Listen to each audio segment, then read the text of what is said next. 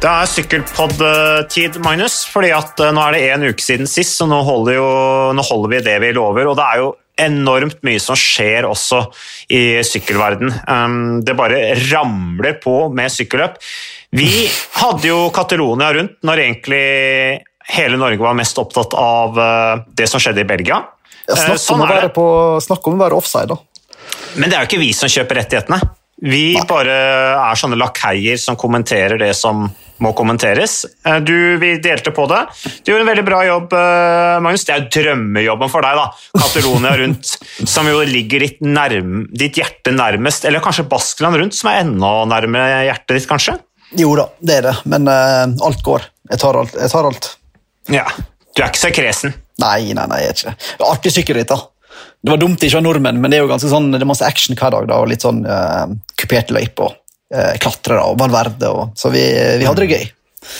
Det var eh, flott sykkelløp. Bra avslutning også inne i Barcelona, syns jeg. Og disse her Porte, Portuin og disse høye fjellene som jo er kult. Kult med Thomas Digent som vant siste etappen der. Han som har vunnet, det er femte etappen han vinner der. Eh, eh, artig det. Og så er det jo historisk resultat da, med Team Ineos som blir nummer én, to og tre i sammendraget. Det har aldri skjedd i et, verdens, i et World Tour-ritt eh, før.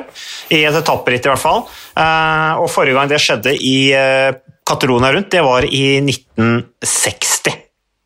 Da Det var det faktisk ja, Da var det han Poplé som vant, sammenlagt. Og han hadde to av lagkameratene sine på pallen. Men apropos, eh, han, han Degent tror jeg er den eneste i OL Tour nesten, som kan vinne solo overlegent på det nivået uten å være i form. Ja, for han er jo ikke i form i det hele tatt. nei, han er jo virkelig ikke det. Vi så det på toppene før, at han ikke er på det vanlige nivået sitt, og likevel så vinner han solo. Men han Mohoric, forresten, han tror jeg er en av mine aller største favoritter i World Mm. Hvor kul er ikke han? Klasseritter.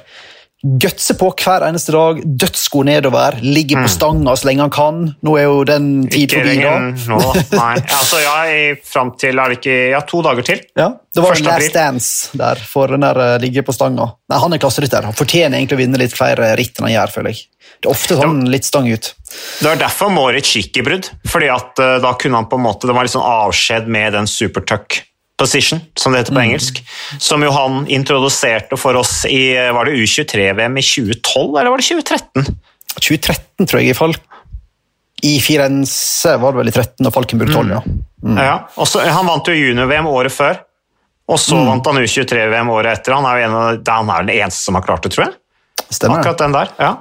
Så det var kult. Men uh, det som det er på en måte det alle snakker om, da, uh, det er jo det som skjedde i Belgia. Uh, og Markus Holgaard er jo en mann som virkelig imponerte i E3 Price.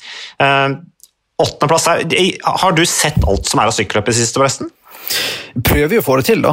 Eh, satt et par timer og så på Cholet Pays de la Loire på søndag, og dame Gent-Wevelgem, herre Gent-Wevelgem og Catalonia. Så vi prøver å få med oss det meste, da. Eh, stang ut for Uno X i Frankrike. Med noe teknisk trøbbel til Verdensskjold der eh, var det 10-15 km før mål. Ja. Men meget sterk Holgaard, da. Men vi vet jo at han er sterk på mange måter. Han, jo, han hører jo hjemme egentlig på et jeg, en, enda høyere nivå, kanskje. Eh, Han har jo vist at han det nivået inne i flere år nå. Husk fra Arctic Race, husk fra Luxembourg i fjor. Vi har sett det sporadisk før det òg. Så um, gøy at han får ut litt av potensialet og kan stikke fra van Art på slutten her og ta en var det en åttendeplass i E3. Åtte, ni. Åttendeplass, ja. Det er- var imponerende. Han var jo høyt over en av disse her eh, bratteste bakkene. Var- Var det Paters Jeg husker ikke hvilken det var, men eh, det var i hvert fall en uh, imponerende innsats av uh, Ja, det var Patersberg. Han var faktisk nummer tre over. Jeg har notert det. At han var nummer tre over Patersberg i E3 Price. Det er imponerende. Så, uh, nei, så det, var, det var kult, det var gøy. Det blir lagt merke til. Og det kan vel være at det vekker interesse faktisk fra enda større lag. Hva tenker du, Magnus? Ja, han hadde jo en del beilere eh, etter seg allerede i høst. da. Eh, Takka vel nei til flere tilbud der for å bli værende i Uno X. Så um, han er nok en uh, populær mann. Men, mm. men hvorfor bytte lag, egentlig? Når du får kjøre så mange storritt i det laget du er. Du sykler sammen med broren din og kompisene dine. Du har gode arbeidsforhold der. Pluss at du slipper å kjøre hjelperytter for uh, håper jeg, Sepp van Marke eller uh, Matej Mohoric. Så um, jeg skjønner godt at han blir værende. Ja, hvorfor bytte lag når du er på et bra opplegg? Eh, de har det opplagt bra i eh, UnoX, så gøy å se at de kjører bra også, så det er eh, moro. Men de skal ikke kjøre Flandern rundt, og det er jo da det neste store, Magnus. Det er jo på søndag, det blir på en måte virkelig ja, det, er en stor dag for oss i TV 2 også. Da sender vi fra, fra kilometer null fra klokken ti om morgenen, så det blir en lang sending. Du skal ned til Belgia, eller skal du ikke det? Eh, vi skal fortsatt ned. Det har vært masse fram og tilbake med innreiseregler i Frankrike kontra Belgia, og hvis du er der mer enn 48 timer, så må du i karantene, og bla, bla, bla. Men uh, enn så lenge så har vi fribillett uh, lørdag morgen. Så det, etter alle solmerker så er vi uh, ringside uh, på søndag, så det blir veldig gøy. Og det blir ekstra gøy i og med at um, jeg føler den der Robé ryker litt for dag, hver dag som går, egentlig.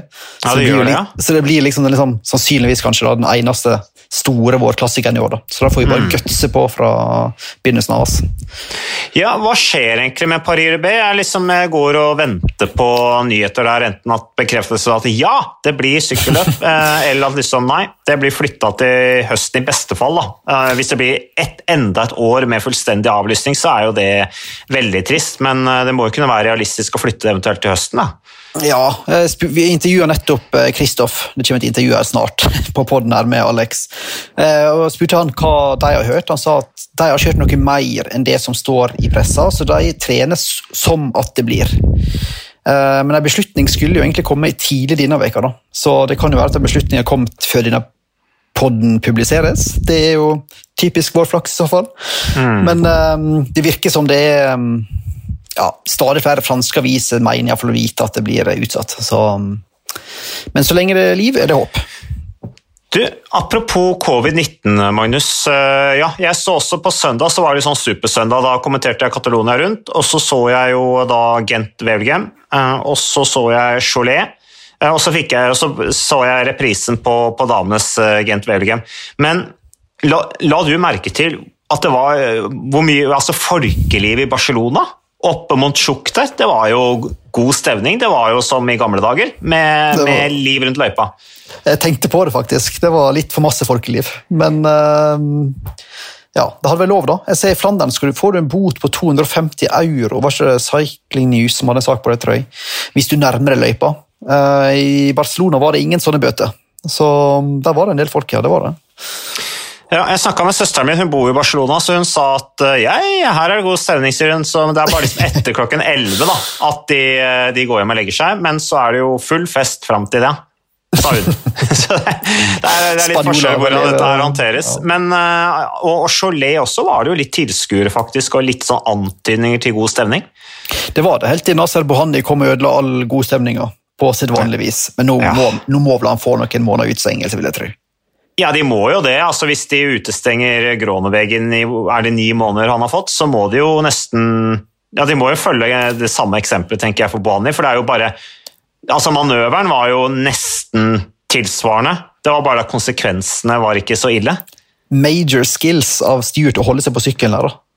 Ja, var imponerende. Var, han bare jo... glei langs barrieren liksom, og så holdt han seg på sykkelen. Det var helt rått. Og så er det jo et godt eksempel da, på hvor viktig det er at disse gjerdene ikke er sånn knekkebrødgjerder sånn som var i Katowice i Polen rundt i fjor. Det hjelper, disse nye, nye eh, gjerder. Så Nei, men jeg vet ikke. Jeg tror det blir spennende på søndag i Flandern. Det blir eh, litt sånn skeptisk, litt sånn forsiktig pessimist på Kristoff sine vegne, noe han også sier sjøl. Men vi gleder oss vel egentlig bare til en rematch jeg vet ikke, da, av van Art mot van der Poel fra i fjor. Ja, det er jo 1-0 til van der Poel, men i og med at du nevnte det, Magnus, så kan vi komme litt tilbake til hvem vi tenker er favorittene. Og nå har jo du allerede lansert at du har snakket med Alexander, så kan vi høre på hva han sier. Yes, Det jeg er mest nysgjerrig på, er hvordan helsa og formen din er. Føler egentlig kroppen er fin, men uh, jeg har hosta ganske mye i det siste. Men uh, nå begynner det å gi seg, det òg. Men uh, det har vært et eller annet virus, for det har ikke vært noe grønt eller gult slim eller noe. Det har vært helt blankt og gjennomsiktig. så hadde ikke hjulpet med noe antibiotika eller noe heller, så det er liksom at bare vente på å få det gjennom kroppen. Virus i disse tider, ja. Ja, men det var ikke koronaviruset, riktignok. For det har jeg testa sikkert ti ganger, og det har vært negativt hver gang. Du er vel vaksinert òg, du? Ja, men det er jo ikke 100 det, så du kan jo bli positiv på det. Men, men, det var ikke det, tydeligvis. Jeg har jo hatt smaks- og luktesans og alt sånn intakt, men så klart litt redusert med lukt når du har full av snørr, men Men, men ja, jeg har jo testa mange tester både for ja, før løp og alt sånt, så det har vært alltid negativt. Stemmer det at det er flere som har et slags virus i feltet? Hører rykte om at det er andre nordmenn òg som sliter litt med forskjellige ting? Ja, jeg hørte både med Amund og Edvald har slitt begge to med lignende symptomer. Så, så, det har tydeligvis vært et eller annet. Så jeg tror det starta vel i Paris-Nice. Jeg ble litt dårlig etter, uka etter Paris-Nice. Men hva gjør det med inngangen til Flandern? Føler du at du er i form til å kjempe, eller blir det litt lavere ambisjoner i år? Nei, jeg, må jo egentlig snart prestere noe. Jeg har ikke prestert så veldig mye hittil i år, egentlig. Har vel en sjetteplass eller noe som beste, så uh, ja, jeg er jo litt bekymra for at det, at det, ikke er helt der jeg skal være. Jeg er jo litt sånn at uh, sesоngstarten ble jo ikke helt som jeg hadde planlagt heller, med mange løp som ble utsatt, og sånn, så det ble jo mye mindre løp enn hva jeg var satt opp på originalt. Uh, og jeg pleier ofte å trenge en del løp, men jeg følte meg vesentlig bedre faktisk i VM enn jeg gjorde de løpene før. Så, så, det virker som kroppen begynner å respondere, i hvert fall. Så om jeg rekker, rekker, å komme i form til Flandern, er jo spennende å se. Men får igjen en god gjennomkjøring sannsynligvis i morgen med et hardt løp igjen, så, så håper jeg at jeg blir mer fintuna inn til Flandern etter det. Er det Matteo Trentin som går inn da som kaptein i Flandern, og du som en slags hjelperytter? Ja, jeg tror ikke jeg er noen hjelperytter, egentlig, for jeg er ikke så god på hjelping. Men, men jeg blir nok han som blir hovedprioriteten. Han har vist veldig bra form i hele år, egentlig. Så han, han er i slag. Så han ble jo tre nå i Gent Wevelgem, så da, da, er det naturlig at vi må prøve å hjelpe han best mulig. Men for min egen del så henger jeg med, så er det jo fort at vi kjører for meg hvis jeg, jeg klarer bakkene. Det er jo det det står på for min del. Jeg må bare komme over dem. Jeg vet jo jeg har en, jeg har en bedre avslutning enn Matheo. Hvis vi kommer inn i en gruppe der, så, så stokker vi om kortene. Men uh, Matheo er nok vårt sikreste kort på at vi har en mann på slutten. Det er det ikke tvil om. Så jeg har ikke vist, uh, har ikke vist så mye ennå. Men uh, jeg håper jo at jeg kan, bevi, kan bevise da på søndag at jeg fortsatt har, har beina. Du, du, har jo er det sju topp fem-plasseringer i Flandern. Det er jo helt sånn avsindig rekke. Hva er det som gjør at du alltid er god på den dagen hvert år? Nei, jeg liker løp, egentlig. Og det er, det er nok litt tilfeldigheter òg, at det har gått såpass bra. Men det kommer seint i klassikersesongen. på en måte. Jeg føler jeg trenger disse løpene for å få, få bank og bli klar. Så det er litt sånn at jeg, jeg tror jeg trenger de løpene for å kjøre meg inn i form til Flandern nå. Så, så, det er nok ikke bare tilfeldig. Men nå har jeg jo fått egentlig de samme løpene som jeg pleier, eller ikke helt. da Før har vi kjørt egentlig til Pannen i tillegg, som er tre dager på rappen med mye hardt kjør. Så jeg føler kanskje at det litt, stiller litt tynnere nå enn jeg gjorde for noen år siden med tanke på, på antall løp og sånn, men, men, jeg tipper nok fort at Flandern blir min beste performance i år. Nå har jeg ikke prestert sånn sykt bra, men jeg var jo litt nærmere. Jeg var jo bare to minutter bak nå på søndag, så, så får vi se på neste søndag. Det at du for første gang ikke har en seier å vise til før Flandern, siden 2011, tror jeg, gjør det noe med selvtillit, eller er du likevel Veit du hva du er god for? Nei, det gjør litt med selvtillit. Jeg har ikke prestert så bra som jeg hadde ønsket. Det er jeg ikke tvil om. Så jeg har jo følt at jeg ikke henger helt med de aller beste. Og det er jo første gang jeg har følt at jeg har slitt såpass mye inn mot disse løpene. Men det er nok ikke bare det er Sykdommen kommer ikke beleilig til. Blant annet nå har jeg kjørt de siste løpene med litt sykdom eller litt hoste i kroppen, så da er det jo vanskelig å prestere på topp òg. Og de første løpene pleier jo egentlig ikke å kjøre sykt bra, selv om jeg har kjørt bra i ja, Arabia noen ganger. Men uh, nå var jeg ikke der i år, så da det er litt vanskelig å sammenligne. Men uh, ja, jeg tror, tror, fortsatt på at jeg kan prestere hvis jeg har beina til å henge med over bakkene. Du, mens du og de andre norske har slitt litt sånn i innledningen av sesongen, så har du et veldig sterkt uh, Uno X-lag som har inspirert mange. Er, det, er den nye generasjonen klar til å ta over, eller har du fortsatt litt å vise fram?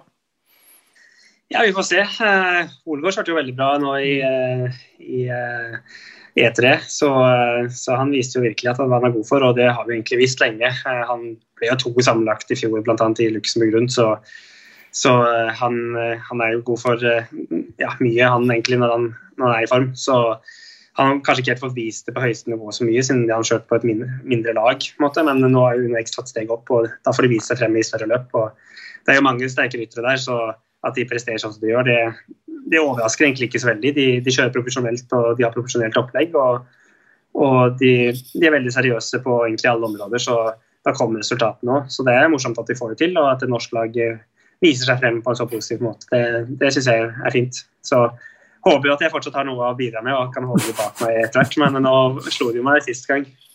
Burde ikke Holgaard sykle på World Tour-nivå?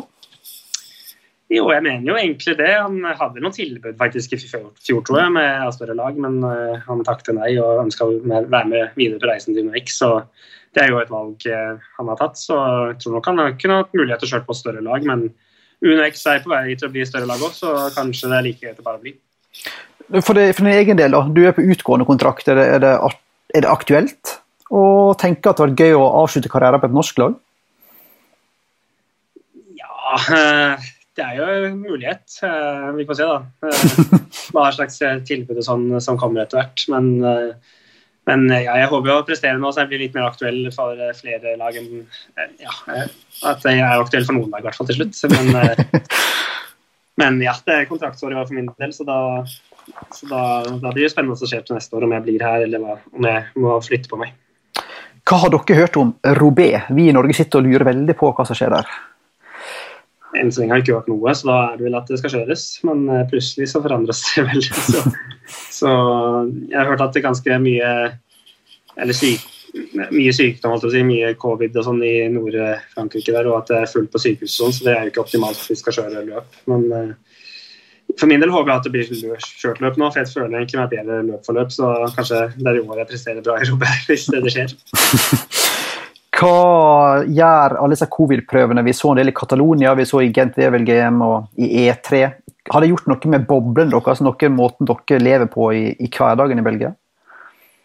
Nei, egentlig ikke. Vi pleier egentlig å leve ganske isolert. Vi bor ute på en uh, liten Eller vi bor egentlig på et ganske stort hotell, vil jeg si, men det ligger midt ute på en åker, og det er bare oss her. Så vi er jo uh, midt i ingenmannsland, egentlig, men det er ganske koselig. og ja, Vi kjenner familien som driver det, sånn familiehotell. så så vi har vært der ganske mange år nå, så det føler sånn halvveis eh, et second home når vi kommer inn her, faktisk. Vi er her hvert år. Men, eh, men, ja, jeg føler ikke det er noen forskjell sånn sett. Vi tar jo noen tester, da. Vi kommer og tester oss på hotellet eh, før løpene og sånn, så vi får vel ja, to tester i uka i hvert fall. Du, til slutt, Hvis folk i Norge skal sette penger på noen som vinner Flandern i helga, hvem bør de sette penger på? Ja, eh, jeg vet ikke. Kommer an på oddsen, gjør det ikke? jo, det er sånn. Er det, er det van Pool og van Art som eh, du òg tenker er de store? Ja, de er seiler ikke opp som favoritter. Eh, men igjen, det så jo, så jo i E3 hvordan Quickset klarte å utmanøvrere dem. Men så feila de igjen helt i VM, så det, det, er vanskelig å si hvordan det utvikler seg. Så så jeg håper at jeg kan gå litt under radaren. hvert fall. Jeg i hvert fall under radaren da, performance-messig. At jeg bare kan sitte med fint, og så plutselig samler seg at jeg vinner hele driten.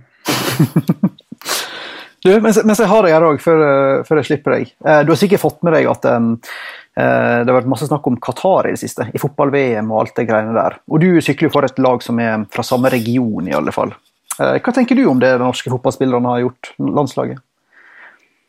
Det er jo bra at de tar et standpunkt, og det er ikke bra det som har skjedd der med tanke på forholdene til arbeiderne. Men eh, ja, eh, hva skal jeg si, det, jeg har jo sett med egne øyne hvordan ja, Det virker som et veldig rikt land, men så ser du jo veldig kontraster på de som jobber. Eh, men igjen, mange av de som jobber der, har jo reist hit av fri vilje. Jeg har snakket med taxisjåførene og de som er fra Pakistan og India. Der, de er jo der for å tjene penger og sende hjem til til landene sine. Så det er ikke sånn at de er tvunget til å være der heller. De, de er der fra egen, for egen eh, ja, eh, vilje, på en måte, sånn sett. Men uh, de blir jo utnytta grovt av de som har mer penger da, på en måte, enn i Qatar. Så, så, det er jo på en måte sosial dumping som skjer, som også skjer i mange andre land sikkert, men som synes ekstremt godt der. Og igjen, det har vært mye ulykker òg med tanke på sikkerhet og sånn, som kanskje burde vært mulig å unngå i et såpass rikt land.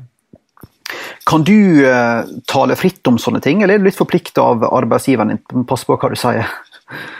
Hva jeg sier om Qatar, tror jeg er et fett. De er vel ikke bestevenner egentlig med UAE ellers, så vidt jeg har forstått. var, det, var det et vanskelig valg å, å sikle fra laget, når du tok det valget for noen år siden? For UAE? Mm. Mm, nei, egentlig ikke. Uh, jeg tenker ikke så mye på det politiske sånn sett. og Det er ikke sånn at jeg kan velge mellom alle lag som finnes i verden. Eller. Det er veldig sånn kabal som går opp med tanke på hvilke ryttere som går hvor. Så det er ikke sånn at du sitter med fritt eller ti tilbud og kan velge og vrake. Kanskje noen kan det, van Art og van men jeg kan ikke det. Så, så da, da, blir det fort de laget, det laget som er mest interessert. Så, så da blir det fort ganske enkelt valg. Syns du det er riktig at det er utøverne som skal stå til ansvar for dette her, og kanskje boikotte mesterskap? Eller ligger ansvaret hos de som faktisk tildeler mesterskapet her? Hva tenker du?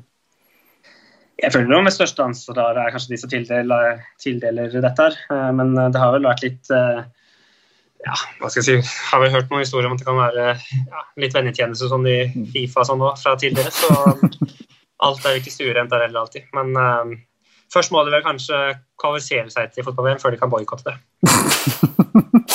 det blir viktig kamp i kveld, da. Ja. Det blir det. Nei, men uh, Supert, Alex. Takk. Og du kjører i morgen, du og Svein Erik og Vegard, eller? Vegard òg. Vegard òg, ja.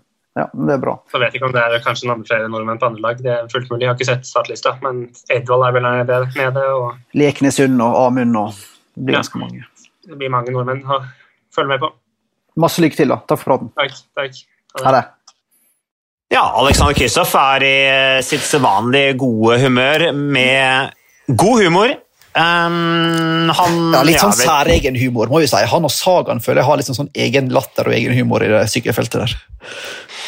Det er det med, Når du sier det med Sagan, har du fått med disse siste nyhetene som går med han Ralf Denk, han manageren i Bore Hansgro, som sier at det er ikke opplagt, eller det er ikke helt sikkert at vi kommer til å resignere Peter Sagan? Ja, jeg så det. Det gir vel mening. Skal du betale 50 mill. i året for en som tydeligvis ikke er på samme nivå som før? Nei, nå vant han jo i Catalonia, da. Det er det mange steder, da. ja, Thomas Igent, Vi snakket jo akkurat om at Thomas Igent er jo ikke i form, men vinner allikevel. Ja, sant.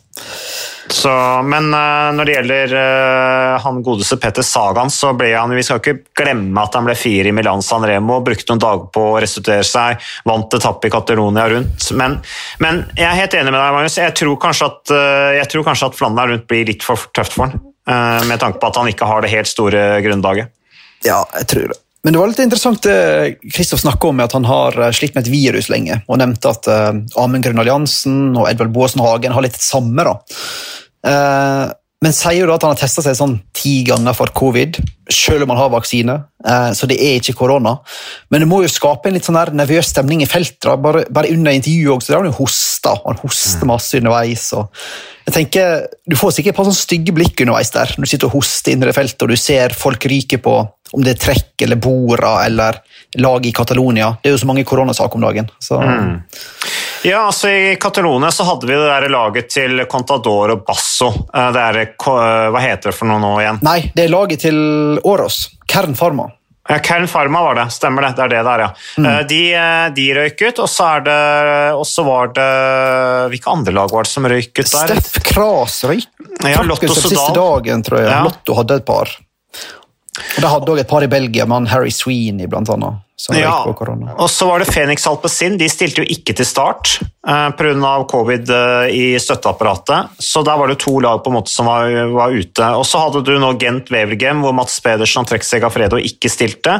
Og Bore Hanskro ikke stilte. Men hva slags lag er det da eh, Bore Hanskro og Trekseg Afredo stiller med i, Milan, nei, i, i Flandern rundt? Det blir litt spennende å se. Det blir jo Katalona-laget da. Lennart Kemna og, og B-laget. Nei, Det blir spennende. da. Og Jeg registrerte jo at han, eh, lagsjefen i Bora var fly forbanna på lokale helsemyndigheter. Eh, på um, det som må tilsvare kommuneoverlegen, som jeg tolker det. Som var ekstra streng med, med rytterne. De mente vel at de hadde fulgt UCI-protokollen, og at de derfor kunne sykle på IGNTVL-GM selv om de hadde én positiv prøve. Og så kom kommuneoverlegen eller lokale myndigheter inn og sa hei, dere har ikke egne regler her. Her gjelder det dere nærkontakter ut til sju dager. Men jeg tenker sånn, skal Ralf Denk stå og klage over det i disse tider? Jeg tenker at Her må vi ta alle forholdsregler en kan ta, tenker jeg. da. Når en ser ritt spekuleres om det skal avlyses, smitten er åpenbart kommet inn i boblene, det er ikke en sikker boble, på noen måte, da tenker jeg en skal ligge litt lavt og bare si selvfølgelig skal vi trekke oss ut så vi ikke skal smitte andre, istedenfor mm. å gå til motangrep og være sure. Men ja, det er noe. Nei, Jeg føler vel at, de gjør alt, da, at de ikke kan gjøre noe mer. Og, og at de reglene de er under, er strenge nok. Og så tror jeg mange nå begynner å bli så ekstremt mette og lei. ja, og de reglene er bra så lenge man, eh, man styrer klar for covid-19-positive tester, men så fort du har det sjøl, så blir det plutselig et kjempeproblem. Så det er vel sånn det er. Men eh, det blir spennende å se da, hvilke lag som, eh, som ikke får deltatt, og de lagene som eventuelt får deltatt, hvem de stiller. Da Særlig med Trekseg Afredo og Bora Hansku. Jeg regner med at Peter Sagan er, er klar, i hvert fall. Men Hva tror du om Kristoff, da? Jeg nevnte i intervjuet at han har vel er det sju topp fem-plasseringer. Det er jo helt uh, ellevilt bra. Er det sjanse i år, eller må vi justere forventningene våre litt? Ja, så Kristoff har jo tre pallplasser. To tredjeplasser og en seier. Eh, det er en helt eh, ekstremt flott rekke Alexander Kristoff har i, i Flandern rundt, men jeg har det her, forresten. Eh, han har jo ni starter i Flandern rundt, og dårligste han har, er en 16.-plass. Det var 2018. Han debuterte jo i 2012 med en 15.-plass, så da var han jo allerede på hugget. Så det, det, er, eh, det er, en fantastisk rekke av, av Alexander, men, eh, men, jeg tror Vi har ikke sett noe av han til nå i sesongen, så selv om jeg syns vi så på en måte Det var ikke helt, det var ikke helt natta i Gent Wevelgem, men uh, det kan se ut som han kanskje er i ferd med å kjøre seg litt i form. Men jeg tror du må være topp, topp. altså Skal du prestere i, i, i Flandern, så er jeg nesten, nesten mer trua på Sven-Erik Bystrøm ja, altså, uh, enn jeg har på Alexander Kristoff, basert på Det er jo lett å huske det siste rittet, selvfølgelig, uh, men basert på det vi så i Gent Wevelgem, så virket jo Bystrøm solid. og Derfor så og jeg tror det kan bli tøft for Alex på slutten. her, altså Hvis han ikke er i, i toppform, så, så, faller du av på slutten i et så tøft ritt som Flandern rundt. Det er jeg ganske overbevist om. Det blir spennende med Bystrøm, da. Det blir det. Bystrøm er spennende. Uh, Gent Wevergen var bra. Uh, han kjører jo uh, selvfølgelig Han er jo i skyggen av Alexander Kristoff, men særlig, eh, særlig, Matteo Trentin. Trentin som jo er i kjempeform, ble nummer tre i Gent Wavergame, så han skal man se litt opp for. Trentin som ikke har all verdens eh, resultater. Han har vel ingen topp ti-plasseringer i, i, Flandern rundt uh, Trentin, men i år kan bli året. Vi vet at det tar lang tid å, å lykkes i Flandern rundt. Tor Huse har brukt ti år på å lukte i hvert fall på pallen. Han har jo ikke noe pallplass i, i Flandern rundt, Tor, men han veltet jo unna en ganske sikker pallplass i 2009, husker vi, på, på oppløpet. Jeg husker kan, det. Det var ja, en tulling, tulling som sykla meg bakfra. ja. Og så var det han eh, godeste Hausler som stakk da, i spurten. Han starta sånn, åpna sånn tidlig spurt eh, og, ble vel nummer to. Men eh, jeg har også snakka med Bystrøm. Du har snakka med Alex. Veldig bra jobba, Magnus. Jeg har snakka med Sven-Erik Bystrøm. Vi kan høre hva han sier. Sven Erik Bystrøm, takk for at du kunne være med på Sykkelpodden. Du har vært ute og trilla et par timer, tror jeg. Du er vel kanskje litt mør i beina etter gårsdagens Gent Wevelgem? Ja, jeg kjenner gårsdagen godt i beina, jeg må si det. Men eh, ja, det var godt å få trilla ut litt her, på, her langs kanalen i Belgia. De der det er best vei, så det var fint, det. Hvordan er eh, planene nå da frem mot, mot Flandern rundt? Nei, Nå blir det en ny hvit dag i, i morgen. Eller en rolig, lett treningsøkt. Og så blir det Dvarstor Flandern på onsdag. En lang torsdag, og så to rolige dager igjen før, uh, før søndag. Så da satser vi på at uh, de siste forberedelsene er gjort. Basert på det vi så i går, eh, Sven Erik, så ser du jo veldig sterk ut nå. Føles formen bra, eller? Ja, formen var overraskende bra i går, egentlig. Jeg har slitt med litt sykdom i, i etterkant av Milan San Remo. Men eh, ja, det var, måte, det var, jo hardt, og jeg sleit, sleit jo egentlig hele dagen i går. Men eh, det viser at liksom, grunnformen var der, fra, var der hele veien. Da, og at jeg, eh, jeg mista det på en måte aldri helt. Så, så jeg tror egentlig generelt sett formen er god, og nå gjelder det bare, bare på en måte å få de rette drikkene på plass for at de kan være med helt med i finalen i neste løpene. Flandern rundt, uh, Svein Erik, det er jo uh, et av de store målene. Um, hva kan du si om, om taktikken til UAE i, i søndagens ritt? Ja, vi har, Nå har vi ganske mange kort vi kan spille på. målet til laget er at vi skal sitte med, med flest mulig mann i finalen. og så har både altså Alexander Kristoff han er alltid, han er alltid en trussel eh, i Flandern rundt. Han, han har historisk sett prestert best. Men så har vi òg Matteo Trentin i kjempeform. Eh, så hvis vi kan være ja, de to pluss meg og kanskje, kanskje Mikkel Bjerg eh, kan være med langt inn i finalen òg, så, så kan vi på god dag ha fire mann med. og da da kan vi begynne å spille til topp. Så da er målet, å, målet er alltid å, å, vinne løpet og få til en god plassering. Tenker du at du fort kan havne i en uh, posisjon hvor du kan stikke av gårde, og så plutselig så blir du UAE sin mann i finalen, eller? Det er på en måte et, uh, lite håp, det. Uh, det må jeg jo innrømme. Det, er jo, det vises jo gang på gang at uh, hvis du har flere kort å spille på i, i finalen i sånne løp, så er det kanskje ikke alltid den sterkeste som, som kommer lengst eh, fram på resultatlistene. Det, det, kan være på en måte det kan være muligheter for meg da, å stikke av gårde i forkant og så ja, være litt heldig med ryktutviklingen. Og så kan det eh, på god dag eh, bli et godt resultat. Um, så det er jo det jeg, jeg håper på. da, men vi får se. Det, beina kjennes bra ut, fall, og så er det bare å krysse fingrene for at alt går som jeg håper. og Da kan alt skje. Det ser jo ut som du, basert på Gent Wevelgem, som jo var et knallhardt uh, sykkelløp, så kan det jo se ut som du på en måte tar små steg og stabiliserer seg på et stadig høyere nivå i såpass tøffe sykkelløp som, som uh, jo Gent Wevelgem var, og da gir det deg selvtillit til søndagens Flandern rundt? Ja, jeg føler det. Jeg føler jeg har tatt liksom, noen steg. Det har kanskje vært noen små steg de siste årene, men uh, det går her til litt, litt framover. Uh, nå har jeg jo kjørt de løpene her i, i uh, nesten 20 år. så begynner jeg å skaffe meg litt erfaring og kjenne løypene og veiene og, og sånn som det. Og det, det hjelper jo på. Og, om det ikke har vært noen sånn voldsom utvikling på de siste seks årene, så har det i hvert fall ja, eh, det har i hvert fall vært en liksom, oppi der, men jeg har mangla det siste lille da, for å være med helt inn i finalen. Så jeg håper å ta det siste steget i, i år. Hvor mye har erfaringen og lokalkunnskapen som du refererer til der, å, å si for et endelig resultat i, i Flandern rundt?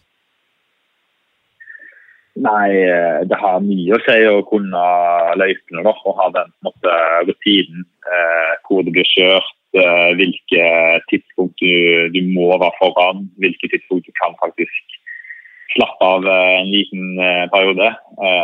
det hjelper selvfølgelig veldig mye. Og så selvfølgelig må du ha, du må ha grunnformen innad. Du må være i god form, men du kommer i hvert fall langt opp på, på den rutinen og har kjørt i løpene der i flere år på rad. Mm. Og så, og så føler jeg at jeg har blitt flinkere med å på en måte, få meg næring, rett næring til rett tid. Og, og på en måte blitt bedre på den biten der òg. Det er jo ekstremt viktig i sånne lange, harde løp.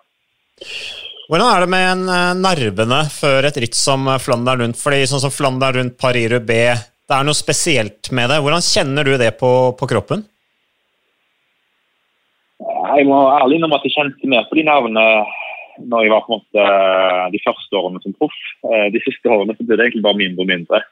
Det er litt sånn, eh, Jeg håper på en måte de skal dukke opp litt òg, for det er jo litt sånn god følelse å kjenne på litt sånn Være litt nervøs fra start og, og sånt som det. Men nå er det liksom sånn at det går fort De første 70 km i Flandern rundt de er på en måte ikke så veldig spennende. Det er jo egentlig bare Du venter jo egentlig bare på at all action, action skal skje utover i løpet. Så du har på en måte nok tid til å bli nervøs på eh, de første par timene. Mm. Men hva er Flandern rundt for deg? Liksom? Det er jo et helt fantastisk uh, sykkelløp med lange tradisjoner. Uh, hvordan er det å være oppi det?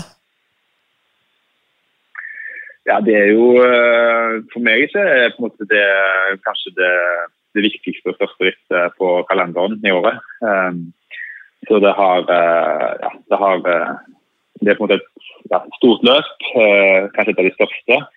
Så er det den tradisjonen og historien som følger med. Men det er jo litt spesielt nå. I, siste, I fjor og i år er det jo uten publikum. og Da er det på en måte ikke helt det samme allikevel. Det får ikke den, den samme filen i bakkene når det består av tusenvis av folk som som roper og skriker og, og følger med. Men mm.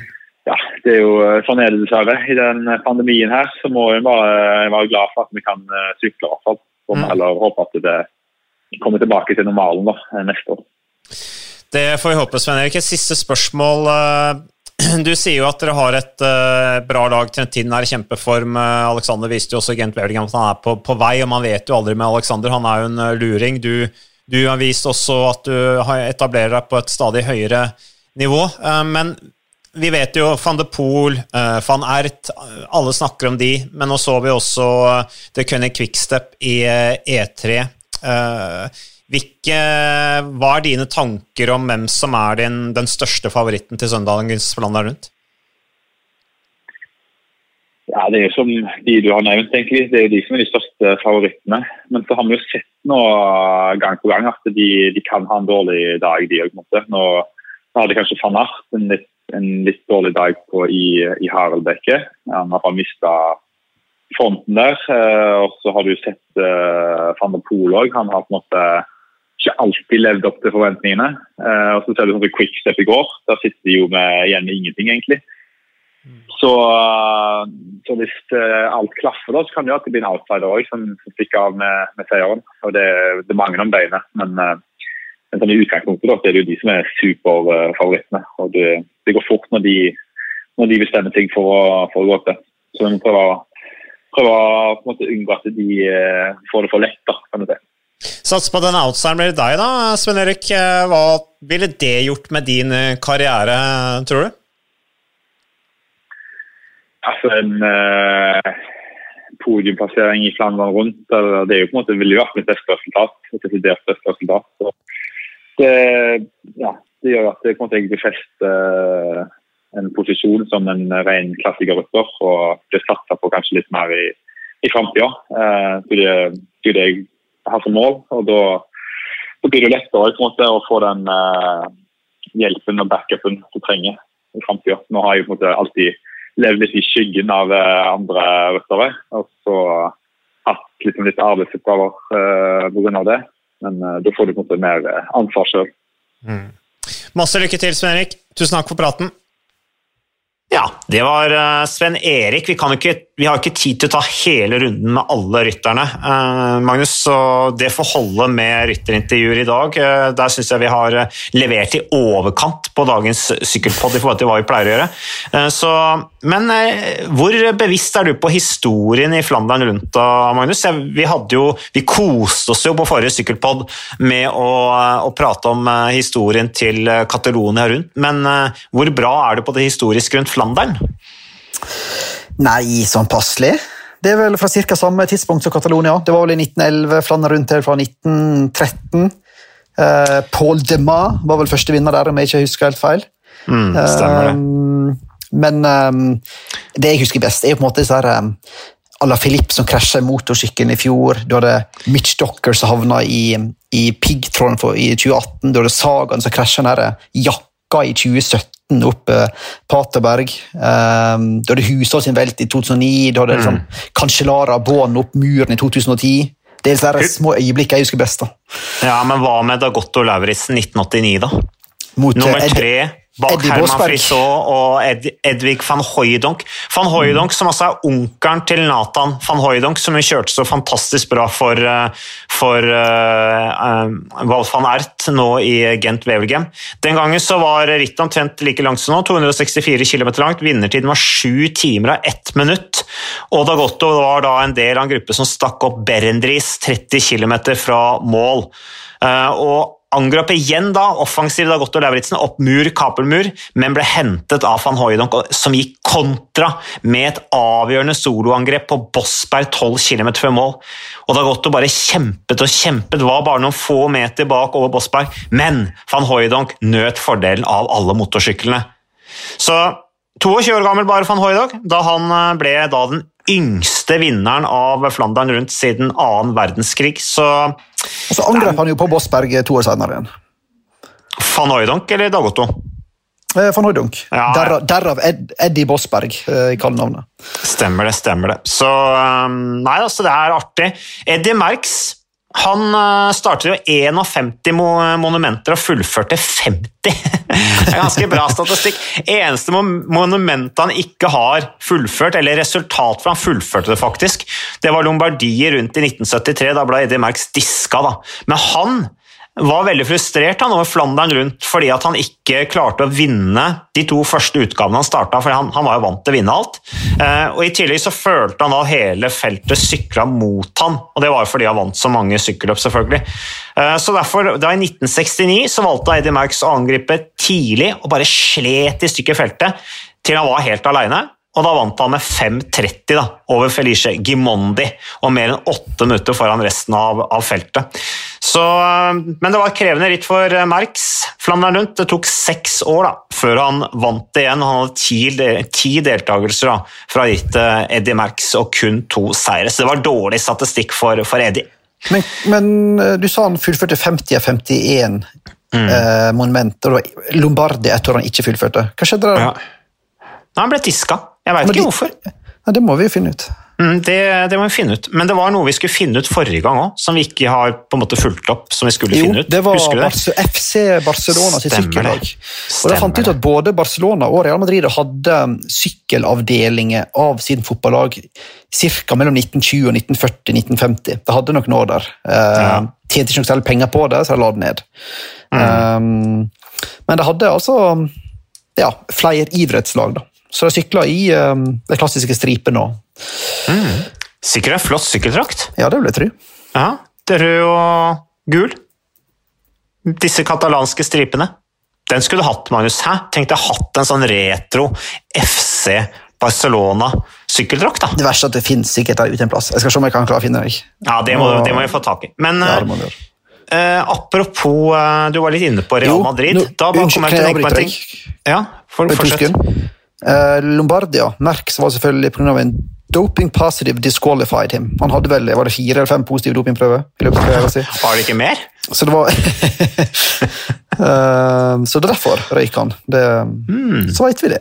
Ja, ok, Så han har faktisk blitt disket pga. en doping, positiv dopingprøve? Ja, men det er kun Lance som er persona non grata. Husk det. Eddie Merckx liker vi tydeligvis Ja, ja. i Og det var jo den gang man bare ble disket fra altså Resultatet ble strøket i sykkelløpet, men du kunne jo sykle uka etter. Ja, ja, ja. Det var sånn vi tenkte på. Det var ikke noe problem. Ikke noe problem. Men uh, du, bare, bare en sånn digresjon, Magnus. Eh, Du kom litt inn på Real Madrid der. Eh, Jeg syns jeg så at du hadde tvitra at du har sett denne, dette intervjuet med han godeste Puerto-doktoren Fuentes. Jeg for helt ærlig så så jeg ikke hele. For jeg er blitt litt sånn lei av at han sånn hvert andre eller tredje år skal lansere sånn 'Nå skal jeg fortelle alt intervju', og så forteller han ingenting nok en gang. Så jeg fikk med meg at han eh, mer eller mindre beskyldte Fermin Cacho, han som vant 1500-meteren i Barcelona i 92, for doping. Han sa at han hjalp han med sitat, produkter vi hadde tilgjengelig på den tida. Uh, og det var det, han, det var det han sa. Uh, så da tok han jo en spansk OL-helt og, og slakta han, og så sa han vel at um, han ville ikke svare på om han hadde hjulpet Real Madrid. Da. Uh, men sa nei til å ha hjulpet Valencia i spørsmålet rett før. Så når han da sier at han ikke kan svare på Real Madrid, så kan du jo legge sammen to og to og se om du får eh, fire. Ja, men det er litt sånn, sånn typisk sånn som du sier, at her er det det her lanseres det et eh, dybdeintervju med Fuentes ikke sant? og dramaturgi og alt, alt i orden. Og så, når det kommer til alt, så blir, er det liksom ikke all verden som kommer fram allikevel, fordi han tør egentlig ikke å si noen ting. Eller har eventuelt ikke noe å fortelle, eller man, hvordan man skal tolke det.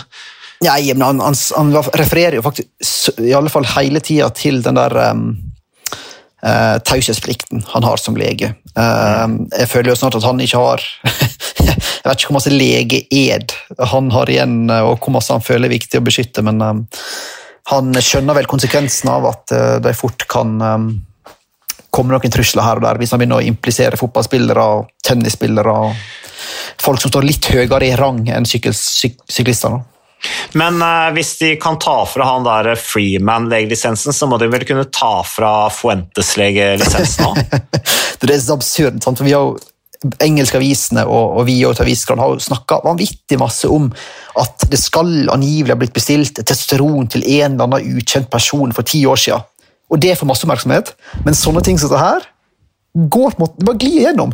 Det er Fotballblader, fotballkanalene det, det er ingen som liksom egentlig bry seg. Fansen bryr seg iallfall ikke. De kunne ikke brydd seg mindre, tror jeg. Så det bare, det får bare lov til å skure og gå. det. Så, Ja, men det er jo Ja, nei, men ikke sant. Den, den, den vanlige oppfatningen i fotball er jo at doping ikke hjelper. Man doper seg ikke i fotball fordi doping hjelper ikke. ja, det er klart. Du trenger ikke utholdenhet eller styrke i fotball. Nei, nei, nei, nei, nei, du trenger ikke det der.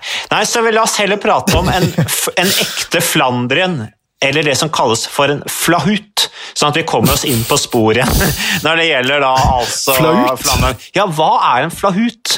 Dette er litt sånn historie, dette er litt sånn eh, skole, Flandern-skolen. Hva er en ekte flahut? Hvis det er sånn det uttales, da. En flahut, det er et begrep, Magnus. Ja, altså, spør, altså- spør du meg, eller spør du folket som hører på? nå, nå spør jeg deg. Ja, for det er vel bare en slags, en slags definisjon på en tøffing? Helt riktig. Det er et sånn- uttrykk som brukes mye i flamsk media.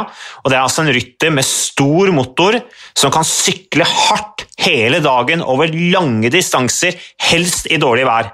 Det er en ekte flahut. Vil du karakterisere deg sjøl som en flahut? Du var aktiv? Altså, nei! På en skala fra 1 til 10, hvor altså på 10 så er det en flahut, og 1 så er det overhodet ikke en flahut, så var jeg med på en sånn ener-toer. Ja, okay. uh, altså jeg kunne ha enkelte dager hvor jeg digga dårlig vær, fordi at eh, jeg var i kjempeform og alle andre jeg bare på en måte dro fordelene, men ikke i Flandern rundt. Fordi at Da skal du opp disse her bratte kneikene og krige på disse smale veiene. Det er velt og det er en helt ekstrem aggressiv stemning i feltet.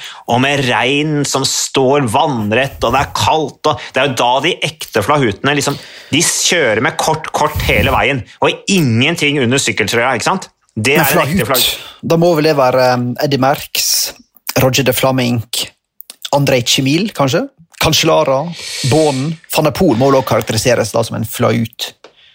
1985, Magnus, da var det så dårlig vær. Da var det en storm som møtte feltet halvveis i rittet. Og været var altså så dårlig at det var kun 24 ryttere som fullførte.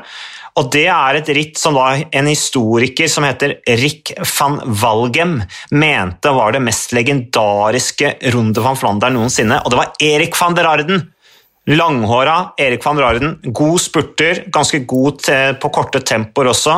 Veldig sterk selvfølgelig klassikerrytter, som da vant det rittet etter å ha kommet tilbake eh, og, og virkelig dratt på. Eh, han gikk kontra, hadde falt av, eh, gikk kontra på teten, og så syklet han da de siste 20 km solo. Greg LeMond faktisk ble nummer sju. Så det var det 1985-utgaven. Det omtales altså som det tøffeste eh, Flandern rundt. En, en verdig en ekte flahut. Han var, ble ikke, ble ikke også, eh, eh, Erik van der Arden den første i 85 som vant både junior, amatør og seniorutgaver? Jeg tror det. Ja, mulig det. Mulig det. Jeg, mener jeg har en plass i notatene mine. Men sånn som Dylan Gronevegen har jo faktisk vunnet, uh, vunnet uh, U23-utgaven av Flandern rundt, så jeg til i dag. Så ja. mm, Håper han uh, kommer tilbake igjen snart. da. Der er det jo Vi har jo noen ganske brukbare norske plasseringer i det der eh, eh, Flandern rundt B-loften, eller U23-utgaven som det heter, eh, uten at vi har vunnet det noen gang. Men, eh, men det er jo litt sånn indikasjon da, på hvem som eventuelt kommer tilbake seinere og blir en ekte flahut i storutgaven.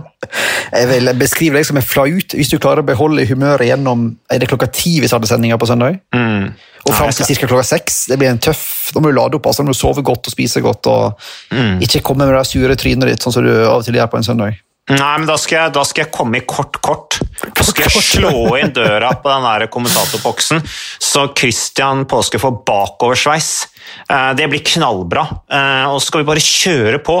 Eh, Det blir veldig bra, det. Så, men størrelsen på rytterne har litt å si. ikke sant? En hud skal være sånn stor og sterk, det skal ikke være noe bakkeklatrer.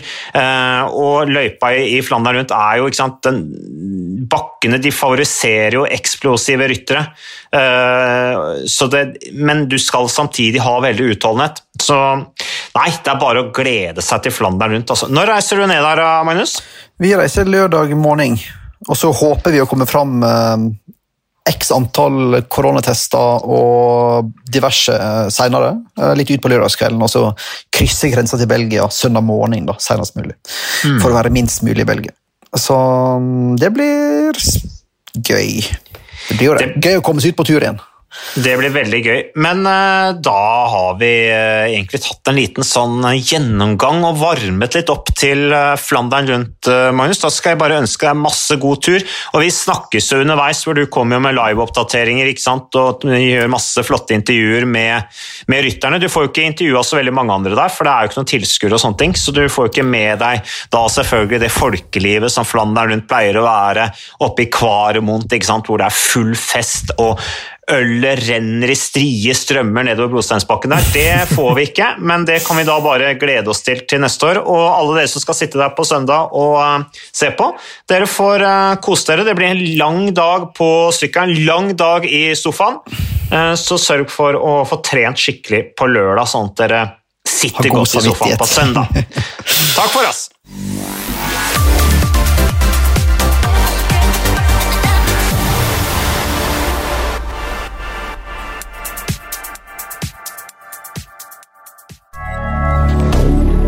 Moderne media.